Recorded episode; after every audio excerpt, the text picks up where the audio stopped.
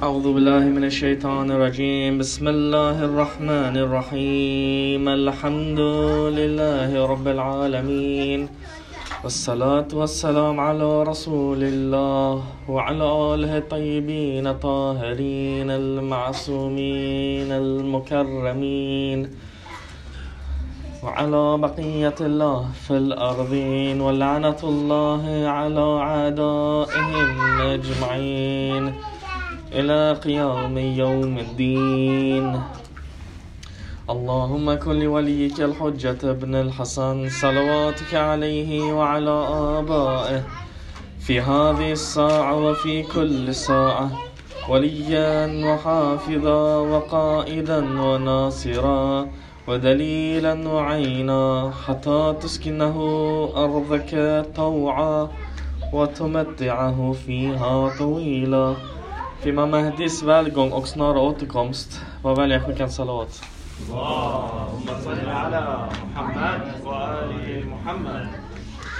Vi lever idag i en värld där all information finns tillgänglig inom räckvidden av våra fingrar. Vi blir vänner med personer på andra sidan jordklotet, vi spelar tv-spel medan vi pratar på andra olika språk från, med människor från andra kulturer. Vi tittar på program annat än vad svensk TV har att erbjuda. Vi lyssnar på massa olika podcasts, influencers som lajvar, snapchatar, instagrammar och så vidare. Vi lever vad jag vill kalla den digitala revolutionens andra epok. Om den digitala revolutionen började med text när internet kom, jag kommer ihåg man gick in i internetcafé, man gick in i biblioteket, man läste om det ena och det andra, man läste om tv-spelen till exempel när jag var liten. Och så såg man bilderna. Idag, andra epoken, är video. Man lyssnar, det är video, det är mycket ljud och bild, alltså eh, video helt enkelt. Och det är sociala medier. Så det är samlingen och det är det man tittar och lyssnar på. Idag tittar vi och lyssnar på betydligt mycket mer än vad vi har gjort förut. För innan var man begränsad till TVn och de två, tre program man tyckte om på TVn. Idag går man in på Snapchat, på Instagram, på Facebook. Någon lajvar, någon lägger upp ett klipp. Man ser på massa olika saker hela tiden. Därför är lyssnandet så viktigt idag. För det formar oss och det påverkar oss. Vilka omger vi oss med? Vad lyssnar vi på? Imam Ali salam säger hadith, han säger att hörselns plikt är att den inte ska användas för synd. För Allah har sagt, det har uppenbarats för er i skriften att ni inte bör söka sällskap med dem som ni hör förneka och skämta om Guds budskap. Om de inte övergår till andra samtalsämnen. Annars blir ni lika som dem. Så de som tar Guds budskap lättsinnigt Sitt inte med dem om de inte byter ämne. Var inte med dem. Lyssna inte på dem. För annars blir ni som dem. Det är vad Koranen säger. Vad säger vetenskapen om lyssnandet? Den nutida japanska eh, vattenforskaren Dr. Eh, Masaru Emoto. Dr. Emoto kallar vi honom. Han skulle ta reda på om vatten, precis som snöflingor, producerar kristaller när de fryses till is. Så han började frysa ner vatten till minus 20 grader och fotografera dem med mikroskopkamera. Eh, eh, och här gjorde Dr. Emoto revolutionerande upptäckter. Han började frysa in och ta foto, frysa in. Sen märkte han en gång, han började spela piano i samband med den här processen, han spelade piano. Och då såg de på de här bilderna att de vattenkristaller som hade flytts ner medan han spelade piano, de var mycket vackrare än de utan piano-melodierna. Det finns, om ni går in på Youtube och söker efter Dr. Emoto, Emoto så kommer ni se på Youtube hur kristallerna ser ut när de här pianon och andra melodier och toner påverkar dem jämfört med om det inte är sådär. Okej, okay, nu kommer vi till en intressant sak här. Alltså, melodier och så vidare påverkar vattenkristallerna. Fråga. Vet ni människans kropp, hur mycket vatten den består utav? 70% av människans kropp består utav vatten. Inte bara människans kropp. Det vi äter, det vi, förutom drickan såklart, gurka, kött, ris, alla de här eh, innehåller stora, mer eller mindre mängder med vatten. Så även det vi äter är fyllt av vatten. Så detta visar här syskon, att om positiva melodier påverkar vattenkristaller och vi är uppbyggda av vatten och det vi äter är uppbyggt av vatten så betyder att det vi lyssnar på påverkar oss rent kroppsligt också.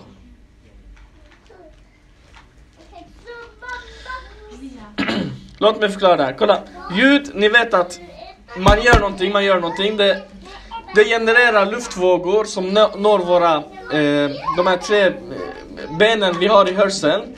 De här förstärker ljudet så det skickas in signaler till hjärnan. Hjärnans hörselcentrum tolkar de här ljuden och vi förstår till exempel språk och olika ljud och kan identifiera dem och så vidare. Vad doktor Emota säger här är att positiva ord strålar positiv energi och, med, och ger de här kristallerna en positiv form, en fin form. Och han säger, det är inte mina ord, han säger att på cigarettpaketen, har ni sett rökning dödar? Han säger det här budskapet påverkar mer än själva cigaretten du röker. Alltså själva budskapet som du läser. Den påverkar cigaretten och den påverkar dig mer än själva cigaretten. Alltså det har så stark påverkan.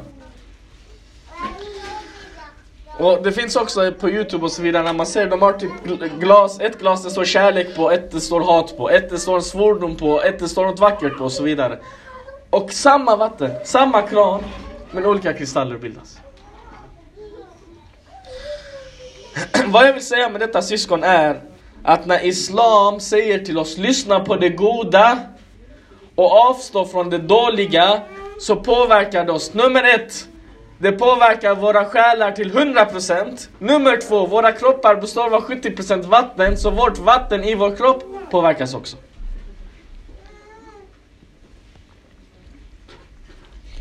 Vad säger den heliga Koranen? Den heliga Koranen säger Illa bidhikrullah tatma'innul qulub. Yani, lyssnandet, att göra dhikr, eller lyssna på dhikr, gör hjärtat lugnt. Koranen själv säger. Profeten säger i en hadith, välkänd, bröder lyssna på denna. Och jag själv också för den delen. Han säger orden Jag älskar dig lämnar aldrig en kvinnas hjärta. Alltså din frus hjärta, inte vilken kvinna som helst. Orden jag älskar dig till din fru lämnar aldrig hennes hjärta. De här orden som hon hör, de påverkar hjärtat direkt. Lyssnandet har en direkt påverkan på hjärtat. Därför Imam Ali Ali salam säger hadith, han säger Må Gud vara nåderik över den tjänare som hör en, eh, en lag, en regel, en riktlinje så han lyssnar. Han lyder. Han inbjuds till den rätta vägen, så han följer den. Och han håller fast vid vägledaren, så han blir räddad. Så du hör det, men du lyssnar. Vad lyssnar du vad lyssnar du på min bror, min syster? Vad lyssnar du på för någonting i din vardag? Vad är det för någonting du lyssnar på? Det finns en hadith, mina syskon. Den här hadithen är läskig. Vill ni höra den? Är ni säkra? För om ni hör den måste ni lyssna på den. Om ni lyssnar på den kommer det ett ansvar. I en hadith säger att man dyrkar ebada, man dyrkar, man tillber den som talar. Man dyrkar, så just nu ni dyrkar mig. Så hadithen säger, om den som talar pratar om gott, så dyrkar du Gud. Om den som talar pratar om dåligt, så dyrkar du Shaitan. Förstår ni allvaret i de här orden? Helt plötsligt baktal, det är inte bara att äta upp sin brors kött. För det där, det där vi kan göra, vi kan äta vår brors kött. Men kan du göra sujud till Shaitan? För det är det den här hadithen säger. Imam Ali Ali salam säger en hadith, han säger lyssnaren är partner med talaren. Yani de är sharik. För annars, om jag pratar och ingen lyssnar, vem ska jag prata till? Du måste lyssna. Detta är kraftfulla ord syskon. Sätt dem i kontrast på vad du lyssnar på. Vad lyssnar du på i de här hörlurarna? Vilka, vil, vad kommer ut ur de här hörlurarna in i din hjärna? Vad är det för någonting? I vilken samling sitter du? Den här samlingen som du sitter i. Vad är det för ord som utbyts mellan de här människorna som du sitter mitt i det här krigsfältet av ord? Vad kommer du? Vad korsar dina öron och ditt hjärta?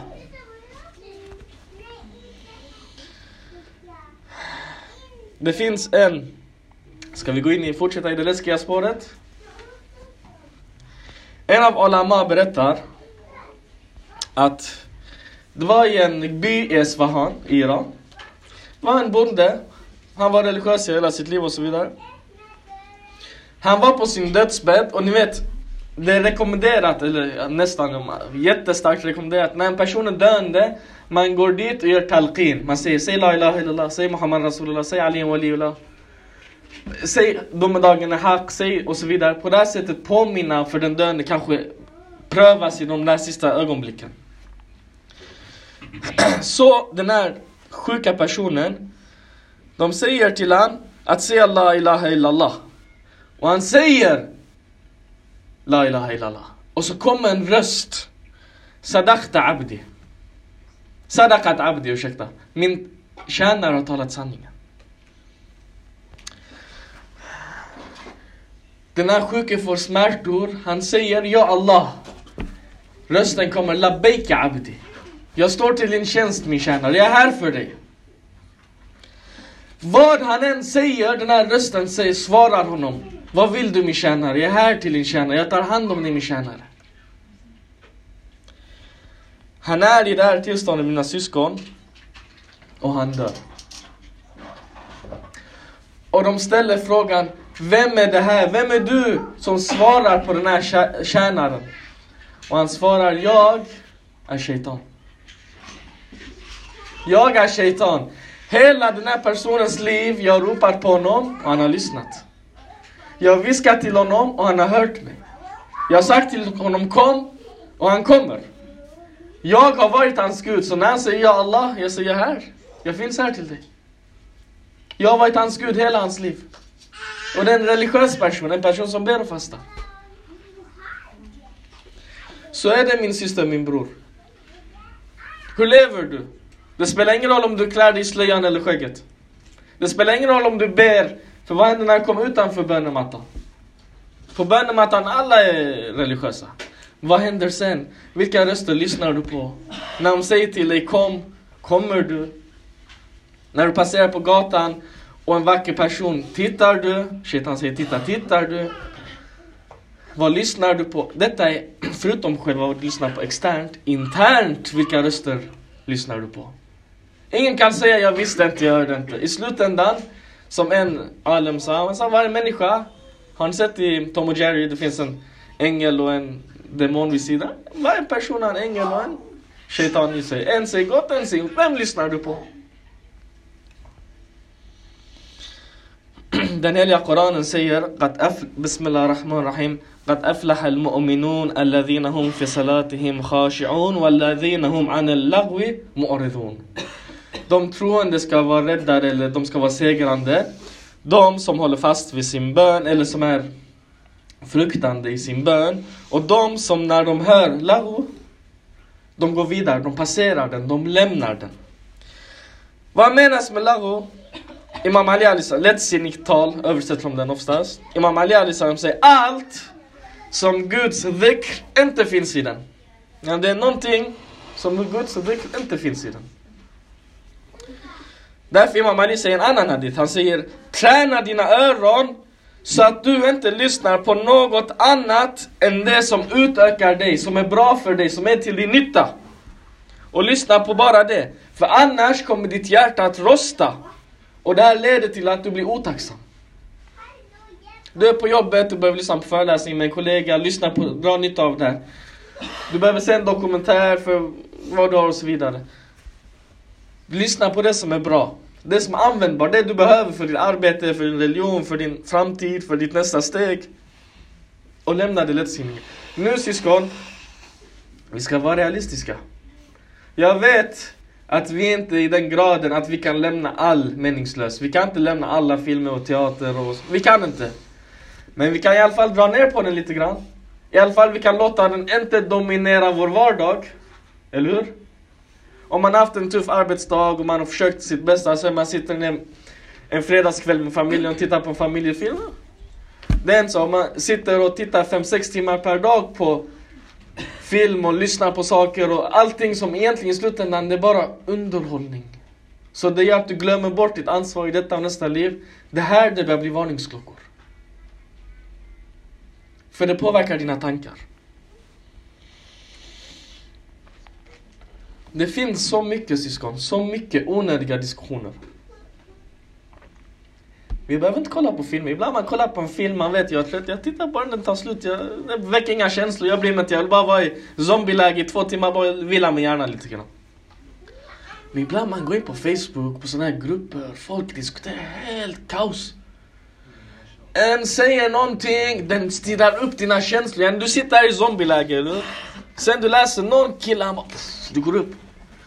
Du får massor med känslor, stresshormoner kickar igång, du börjar skriva, den personen svarar, det bara spårar ur, du kan inte sova på natten. Den tar all din energi för vad? Du lärde dig ingenting, han lärde sig ingenting. Ni bara käftar emot varandra. Folk kan inte uttrycka sig så här. detta är sanningen, detta är var. Jag säger inte klart om man säger någonting som är felaktigt, man ska rätta till den och så vidare. Lämna det goda ordet och gå som en handgranat. Släpp den och spring. Ta inte smällen från den efteråt. Ibland, vissa diskussioner, inte alla diskussioner men ni vet vad jag menar. Ni är inne i de här grupperna, ni vet hur mycket dålig energi det ger till dig. Ja, hela grunden är fel. Vet ni varför? För hela Facebook är fel. Mediumet är inte till för givande, det är inte ett akademiskt rum. Facebook är ett underhållningsrum. Det är inte mina ord, jag kommer ihåg när Facebook började bli stort i Sverige, detta är 10 år sedan, 10-12 år sedan. I Metro stod jag i intervju med Mark Zuckerberg, grundaren av Facebook. Och han säger vårt mål är att bli så framgångsrika med Facebook så Al-Qaida, det är hans ord, inte gör terroristattacker istället de är upptagna med Facebook. Ja, det ska vara underhållning. Och det är så idag. Ja, alla de här som åkte till Syrien, var, var, varannan bild de tar selfies och de skriver på Facebook. Vad är det här för någonting? Ska du gå dit och kriga eller ska du ta för selfies på dig själv? Man? Men grunden är att sysselsätta och underhålla personer. Och i den här djungeln, du är fast. Det går inte, vem ska du prata med? Alltså, man, det är som eh, aporna i djungeln. Alltså man hoppar från ämne till ämne till ämne. Vad är det här för någonting? Du når ingenstans. Och det påverkar dig negativt. Det här är jättesvårt, så man måste kolla vad är det för medium, vad är det för person. Så man inte, lägger, man inte distraheras helt enkelt. Okej, okay, det var onödiga diskussioner. Ursäkta min hals. Den gick sönder igår, inshallah den håller idag. Den heliga Koranen säger, vi kommer till ett annat exempel på lyssnande. Håll er på avstånd från den smutsiga synden att dyrka falska gudar och av, avhåll er från falskt meningslöst tal, zur. Imam Sadiq salam säger här det här falska meningslösa talet, zur. Det som syftas på här är musik. Ni vet här syskon, det är också viktigt att veta inom Islam, det finns olika eh, åsikter och så vidare, men de flesta har den åsikten att musik, precis som film och böcker, det är ett medium för att uttrycka och förmedla budskap. Det finns bra och det finns dåligt. De som är dåliga, precis som de dåliga filmerna och böckerna. Så det som menas här är den dåliga musiken. Det är den här som rör dig, dina kroppsdelar till berusning och får dig tänka iväg och komma till en annan plats. Och glömma dina ansvar här. Och fylla dig med dåliga ord, dåligt budskap, fula ord, fula saker. De här, det är den som pratas om. Jag läste en annan läskig hadith i det området, jag vet inte om jag ska ta den eller om jag ska gå vidare. Vill ni höra den? För den är läskig på riktigt, jag har själv berättat. Imam Sadiq Ali salam säger, vi tar den här och går snabbt vidare, okej? Okay? Imam Sadiq Ali salam säger att den som spelar musik, vi pratar om den här dåliga harammusiken.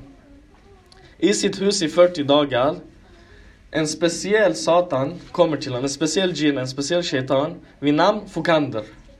Fokander kommer och han börjar ockupera, han börjar ta över kroppsdel för kroppsdel av den här människan. Bit för bit. I takt med att han tar över bit för bit, skam och blyghet och kyskhet lämnar personen bit för bit.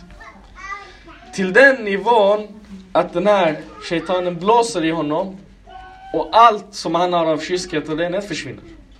Till den nivån att han inte längre skäms och inte längre har någon heder. Han bryr sig inte ens om sin familjemedlem, sin kvinna, sina barns heder och framgång och så vidare. Han bryr sig inte ens om det. Ah, låt dem göra vad de vill, jag bryr mig inte. Där, så ni ser syskon, det, när du lyssnar, den tunnel, den port, vad stoppar in den, det går direkt in i hjärtat. Är det änglatalk eller shaitanitak? Och nu syskon, vi är i Muharram. Vi är i Muharram. Det finns så mycket Aza och Latmiya. Så mycket bra saker att lyssna på. Dua och så vidare, Koran. Och man, man kan testa bara. Inte en, två dagar, testa en längre period. Säg till Arbain.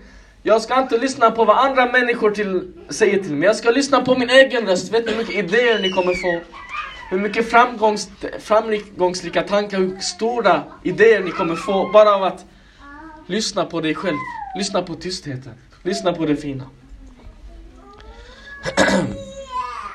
Den heliga Koranen säger Människor, jag är väl nas. har ni får ta emot förmaningar från er Herre och en läkedom mot det onda som bor i människornas bröst och väl, vägledning och nåd för dem som tror. Den pratar om Koranen. Alltså shifa. Och rahma till dem som tror. Och människorna överlag. Att lyssna på Koranen. Koranen är också ett substitut på ett exempel på att lyssna av det goda. Okej, okay, vi har pratat lite om onödiga diskussioner, vi har pratat lite om lyssnandet av det dåliga. Det finns en annan sak och det är vänner. Vänskap. Detta är jätteviktigt för vännerna är de vi omger oss med, det är de vi lyssnar på. Vi tar våra personer som vänner, de är extremt påverkande på mina åsikter, på min framtid, mina vägval. Vi ger dem vårt öra. Profeten säger, en person följer tron, vägarna, eh, beteendet och vägarna av sin vän. Så som din ger det påverkar dig. Profeten säger i en annan hadith att människan påverkas av vännerna, eh, tron från sina vänner. Därför var försiktig med vem du väljer som vänner. Imam Ali säger å andra sidan, akta dig för att inte bli vänner med dem som förtrycker. För att ondska skapar ondska. Så det påverkar dig också. Kolla här syskon. Vem är en bra vän? En bra vän är den som påminner dig om det goda, som kompletterar. Är du en feg person, bli vän med en modig person. Det kommer säga hans mod lyfter dig fram och hur din feghet eller försiktighet tar han tillbaka lite, ni balanserar varandra. Det är också viktigt för föräldrarna att välja de här typen av vänner till sina barn. Okej okay, syskon, kolla här. Lyssnandet. Vi kommer till här med hur viktigt lyssnande är. Varför gjorde Imam Hussein Ali salam qiyam? Varför? Han i sin wasia och sitt testamente till sin eh, halvbror Muhammad Hanafiya Han skriver Mitt uppdrag är att reformera den muslimska ummat, den muslimska nationen och det tänker jag göra genom Amr bil Ma'ruf, påbjuda det goda och Nahyan al Munkar. Okej. Okay. Imam Hussein reste sig för att reformera den här nationen genom att påbjuda till det goda. Fråga. Ni har hört så mycket föreläsningar om att påbjuda det goda, goda förbjuda det onda. Har ni någonsin tänkt på att det finns en andra sida av det? Att om en person påbjuder gott, vad är min plikt? Lyssna! Lyssna på vad som sägs. Det är inte lika lätt. Det är inte lika lätt. Det kräver ödmjukhet. Hur många gånger har en person sagt till dig, ah, broder, du, är, du blev arg sen, ah men han gjorde sios direkt, man inte har en försvarsposition. Eller hur? Känner ni igen det här? Vem lyssnar på påbjudandet av det goda? Lyssnar vi i vår vardag, så vi ska lyssna på Imam Hussein. På enkla saker. Kolla här syskon. När jag ser det här, ah, han, han snackar skit om min mamma, det är klart jag blir arg på honom. Eller hur? När Hor stoppade Imam Hussein när han anlände till Karbala, han sa du får inte gå vidare. Imam Hussein sa men jag går åt andra hållet, han sa jag går åt hur mycket Imam Hussein försökte Hor sa jag har fått ansvaret att stoppa dig på denna platsen. Du får inte röra dig en millimeter till. Här de har en dialog, en diskussion. Imam Hussein till sist blir arg. Och han säger må din mor sitta vid din... Eh, att må din mor sörja dig något i den stil. Han säger någonting och nämner hans mor. Och hör. Han ska säga något. Han stoppar sig. Han ska säga något. Han stoppar sig. Han ska, vad ska jag göra till mamma Fatima Zahra? Jag kan inte säga någonting. Han blir tyst. Okej? Okay. Tänk dig nu min bror, att Imam Mahdi kommer och säger någonting om din mamma. Okej? Okay? Det är inte lätt! Det är inte lätt! Det är inte lätt! Och sen du ska hålla dig själv och du är arg också. Du är, ni, är liksom, ni har tjafsat och du är arg. Och du ska Påbjudandet av det goda, det är inte lätt. Kolla på ett annat exempel. Kolla på Zuhair. Zuhair var Othmani. Han var sunni. Zuhair var affärsman. Zuhair var tillbaka, han höll på att återvända från Hajj. Och han är på samma resväg som Imam Hussein. De är typ några kilometers skillnad mellan dem. Så var den Imam Hussein tältar, Zuhair tältar, ah, han tältar, jag ska gå bakom kullen och tälta. Ah, han tältar, jag ska tälta där borta. Så han hela tiden försökte undvika Imam Hussein. Hela vägen. Ända tills det inte gick att undvika längre. Det kommer budbärare in i Zuhairs tält. Han sitter med sin fru, de sitter och äter. Han säger Zuhair, Imam Hussein vill prata med dig. Zuhair gör två bra saker här. Två bra saker. Nummer ett, han lyssnar på sin fru. Han vill inte gå. Zuhair, hans fru säger till honom Zuhair, skäm inte ut oss, detta profetens barnbarn. Det är ingen vanlig person. Du har undvikit honom hela tiden. Nu, han har till och med sänkt sig själv, alltså han har kommit ner och bjudit in dig istället för att du ska gå till honom. Skäm inte ut oss här, gå. Så Zuhair lyssnar på sin fru, det är det första bra saken han gör. Han går. De säger i historien att Imam Hussein och Zuhair pratar i två minuter. De går runt tältet ett varv. Ingen vet vad de sa till varandra. Ingen vet vad Imam Hussein viskade i Zuhairs öra. Ingen vet det här. Det enda de vet är att Zuhair lämnar det mötet efter två minuter. Han kom in i sitt tält, han säger fru, jag skiljer mig från dig. Va, va, varför? Ja, jag har blivit Hosseini. Jag vill gå och tjäna Imam Hussein. Och de kommer döda mig och jag vill inte att de gör någonting. Men jag skiljer mig från dig så går du tillbaka till din familj så de inte skadar dig. Alltså han gjorde av kärlek till sin fru. Hans fru sa skäms du inte? Ska du gå till Fatima Zahra på domedagen med händerna fulla, jag ska komma tomhänt. Jag vill också bli asir med Zainab och så vidare. Titta här syskon. I två minuter. Vissa av oss vi sitter med Lär dig 40 minuter. Fyra timmar. Vi står kvar på vår plats, vi ändrar inte ett beteende. Bror, gör inte den här saken. Okej. Okay. Saker vi vet är fel, vi fortsätter. Här Zuhair, yani han går 180 grader. Det som jag ska säga till dig bror, kom och bli en jude eller bli en kristen. Okej? Okay? Det är så, så life changing. På två minuter, Imam Hussein pratade, han öppnade hjärtat och den gick in. Så enkelt. Han gick från helvete till paradis. Så. Hör likadant. Mitt syskon.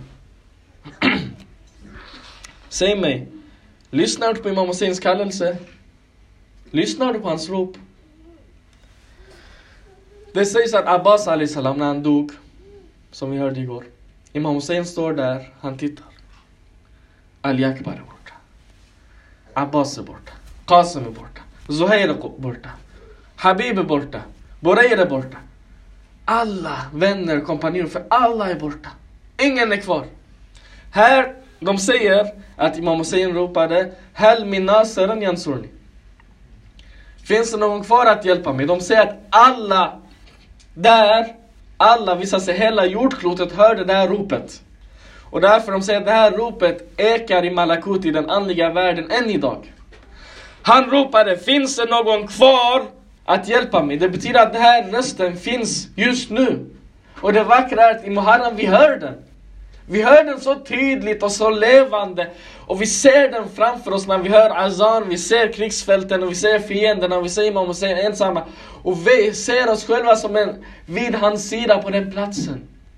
Så vi hör det här ropet. Men vad händer efter Ashura? Fortsätter vi höra det här ropet? När Imam Hussein säger finns det någon kvar att hjälpa mig? På gatan när jag ser den där personen. När jag hör den där samlingen. När jag hör det där när jag sitter i samlingen och någon snackar skit och det blir ett baktal. Eller jag hör den där dåliga tonen, eller jag hör den där svordomen, eller jag hör... Där, i det ögonblicket, hör jag Imam Husseins Finns det någon att hjälpa mig? Svarar jag honom? Eller skjuter jag en pil mot honom? De säger att när Imam Hussein ropade så här så hördes det ett duns. Ali Asghar, sex månaders bebis, jag vet inte hur, för sex månader kan knappt krypa, de kan bara dra upp sig lite grann. Han har dragit sig ut ur vaggan och trillat ner på golvet. Och Imam Hussein förstod att hans lilla sex månaders bebis har mer, mer, alltså heder och tro och kärlek än en fullvuxen människa. Så han tar, han säger jag är här för jag Hussein. Och min far, jag är här för det. Jag är sex månader men jag är här. Han tar med den här bebisen. Han går till folket och han säger Ni vill döda mig så döda mig, men vad har det här barnet gjort för synd? Jag ber er bara, skänk honom lite vatten. Han är ändå döende. Han kommer att dö. Men låt de här sista ögonblicken vara en nåd för honom. Så Gud må vara nåderika mot er. Ett glas vatten hade krävts från en person att ge till den här personen för att rädda sig själv. Ett litet glas vatten. Och hur svarar de honom? De svarar honom med den här pilen. När Imam Hussein ropar på mig. här jag säger labbaik. Där jag måste också säga labbaik syskon. Vet ni varför? Jag överdriver inte, kolla. Vi har i hadither. Vi har i hadither att Shia är kopplade till Ahlul Bayt. I en hadith, jag minns inte om det är Imam Sadek eller vem det är som säger den. Han säger att Synda inte till sina shia, för när ni syndar ni sårar mig, ni skadar mig. I en annan hadith, Imam presenteras som muslim, alltså muslimska nationens hjärta. När du syndar, du skadar dig själv. När du skadar dig själv, det betyder att du skadar din imam, det betyder att du skjuter en pil. Så enkelt är det. Vi alla har våra synder. Vi alla har våra brister. Men om de här tio nätterna kommer och passerar och vi inte, vi inte ens uppmärksammat en av dem. Om vi inte har ansträngt oss att lyssna mer på Imam Husseins ord och Husseini ord och Husseini slogans och Husseini rop. Om vi inte anstränger oss lite grann just nu till Arbain, det är bara två, tre veckor. Försöka förändra vårt beteende lite, lite grann. Hur ska vi göra det efter Arbain?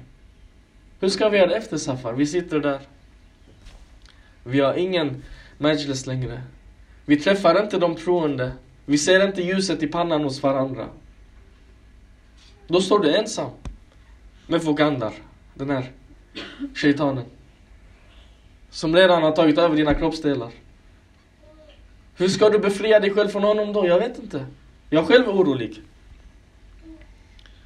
Vi shia-syskon vi är en förlängning av Ahlul Bayt. Kommer ni ihåg hadithen igår, den här tjänaren och Shia håller fast vid Ahl vart de en gång. Det betyder att vi följer med dem. Men vi, vid villkoret att vi faktiskt håller fast vid dem. Att vi inte släpper dem efter den här månaden. Det här mina syskon. Lyssnandet handlar om det här. Det handlar om att befinna sig i ljuset. Att filtrera bort mörkret. Att lyssna på det klara, att filtrera bort oljudet och bruset. Ibland kan man inte, ibland befinner man sig i en samling, man är bland vänner, man är bland släktingar, man kan inte bara klippa det här. Då säger imam, en av imamerna när jag läste hadithen när jag höll på att förbereda. Om du är mitt i det, lyssna inte på det. Du hör det, men lyssna inte på det. Lyssna inte på, ta upp din mobil, här är det bra, gå in på Instagram, gå in på Snapchat, gå in på vad du vill. Något som är mubah, alltså något som är halal, det är inte haram. Gå in, lyssna på den, gå och titta på film, någonting. Gå och lägg dig. När du är mitt i det. Om du inte kan stoppa det. Här jag menar inte man ska gå och vara den här, säga emot sina alla och bli en ovän med alla. Nej, det är jättebra vänner. Ibland på ett mjukt sätt. Man kan, alltså Ja, Okej, okay, de har pratat lite grann. Ah, men såg ni den här dokumentären? Ah, såg den här filmen? Prata om någonting annat, bara för att byta ämne. Det går, det är jättelätt. Ibland man kan inte, man är tänk på något annat. Gå därifrån, jag är lite trött. Det finns så många sätt att göra det på.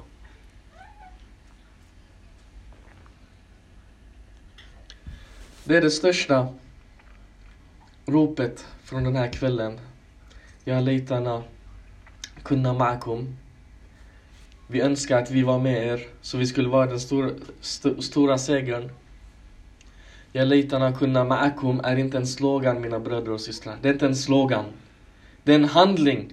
När min jalitana är med orden och min handling inte reflekteras av de här orden.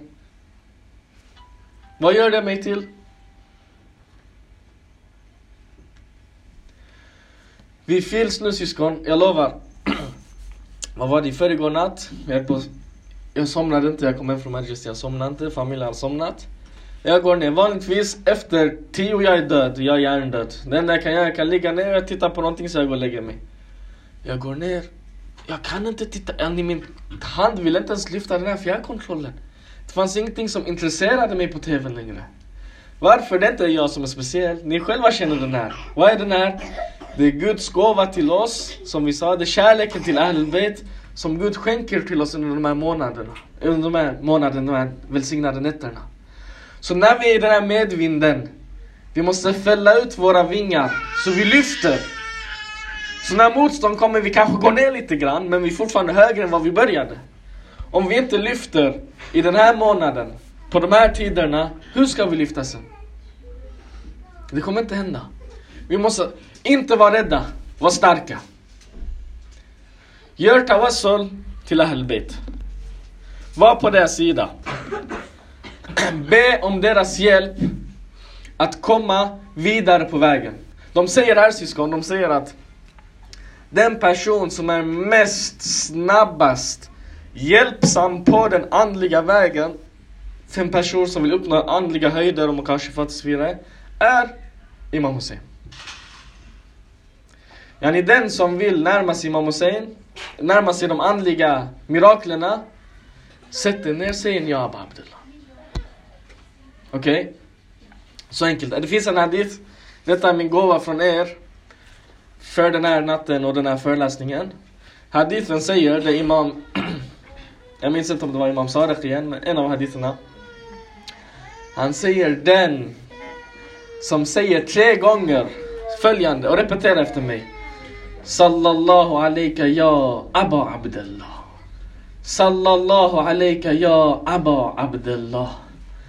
Sallallahu alayka ya Aba Abdullah. Tre gånger. Han svär vid Gud att Imam Hussein svarar honom. Sen att vi inte hör, vissa hör. Vissa hör i, i boken Ljuset inom mig. För er som kanske läst den, det berättas om en person, en ungdom i vår ålder som var en syndare, han var i fester, han var i samlingar. Han mötte en, en, en Aref, lärd. Han blev förälskad i Gud. Han gjorde vissa amal och program och hade ett speciellt andligt program. Och i slutet av det här programmet, vad han gör, är att han reser till Karbala. Och han säger att när jag satt i bussen, han började gråta. Och en person bredvid honom säger, varför gråter du? Han säger, hörde du inte? Han säger, vadå för någonting? Han säger, hörde du inte Imam Hussein salam? Nej, jag hörde inte. Och så säger chauffören, vi har precis korsat Karbalas gräns. Han hörde vad de inte hörde. Assalamu alaikum ya Abdullah. Vi hör inte för vi lyssnar på så mycket annat i våra liv. Wallah, de hör oss. Inte bara de hör oss, syskon. Hur många gånger i din bön, fem gånger om dagen, säger vi Assalamu alaikum ayyuhan nabi. Wa rahmat. Salam är mustahab. svara på salam är wajib. Och det spännande den, här salam, den som skickar salamen först, fast den är mustahab, får 70 belöningar. Den som svarar, eller 69 belöningar. Den som svarar som är wajib, han får en belöning. Så initiering av salamen är störst. Har du aldrig tänkt dig själv? Jag vill höra min profet svara.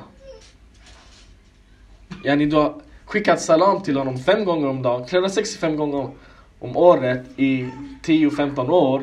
Det blir väldigt många tusen salam. Har du hört han säga alaikum assalam en enda gång? Det var en ungdom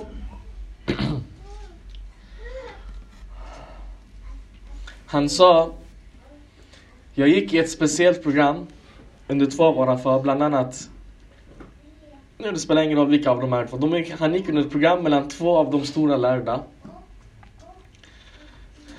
Okej, okay, en bror vill veta. Han är nyfiken. Du får ett av namnet. En av de här personerna var Allama Tabatabai. Han gick under ett speciellt program hos Allama Tabatabai. De som är släkt med Allama Tabatabai blev också glada. Och så en annan alem. Han gick ett speciellt program i två år. Två år, jag pratar inte om 20, 30, 40. Två år. Han säger, jag svär vid Gud, varenda gång jag är sujud, jag hör Sabuhun Qudus Rabbul Malaikat wa Ruh i väggarna. I marken. Jag hör hur de gör tasbih. Jag hör hur de gör tasbih. Ni vet inte. um, ehm, det finns en, nu minns jag inte om det är en koranvers faktiskt eller en hadith, men det säger att, Ja, den här dit, ursäkta.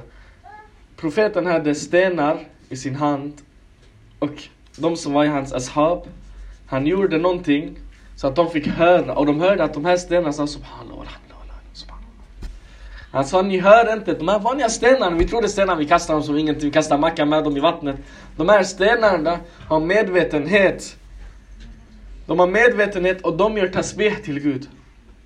Vi hör inte de här.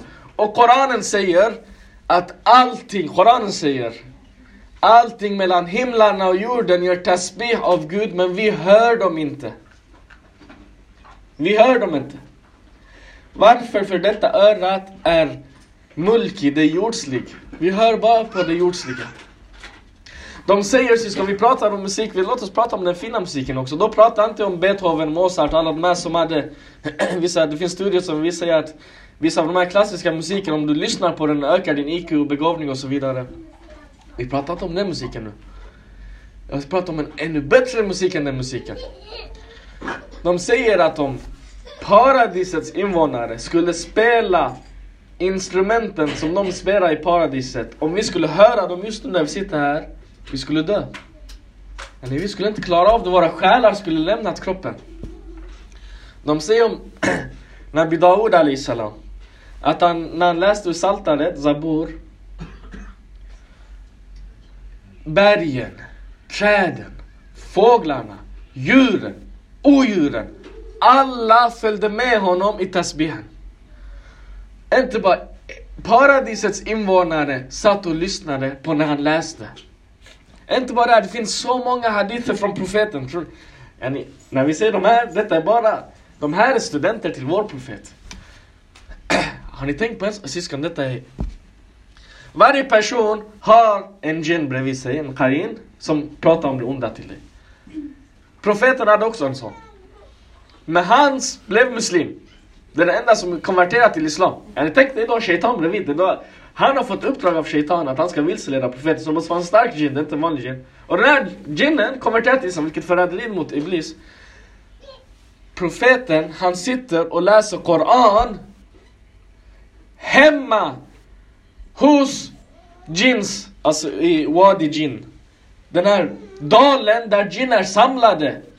Och den här koranrecitationen gör att Jin konverterar till islam. Alltså shayatin konverterar från shaitan till islam. Det berättas om man att när de den andra kalifen, varför ska vi gå långt bort? Den andra kalifen går in i rummet med svärdet för att döda profeten. Profeten läser Koranen och han konverterar till islam. De troende var på samma sätt. Eh, ursäkta, kuffar. De lämnade och lyssnade på profeten i hemlighet i Fajr. När ingen var, alla låg och sov. Och sen de gick nej vi kaffe. Men på natten, det var en sån berusning. Och den här syskon, vi hör en liten glimt av den när vi hör vår azah. Eller hur? Den är så vacker. Den lyfter hjärtat. Den tömmer tårarna, den lättar själen. Har den kommit igång syster? Ja. Här syskon. Vill jag att vi tar vara på de här nätterna. Lyssna på den azan som finns. Den azza som finns. De här... Vi tunar in redan nu så går vi vidare.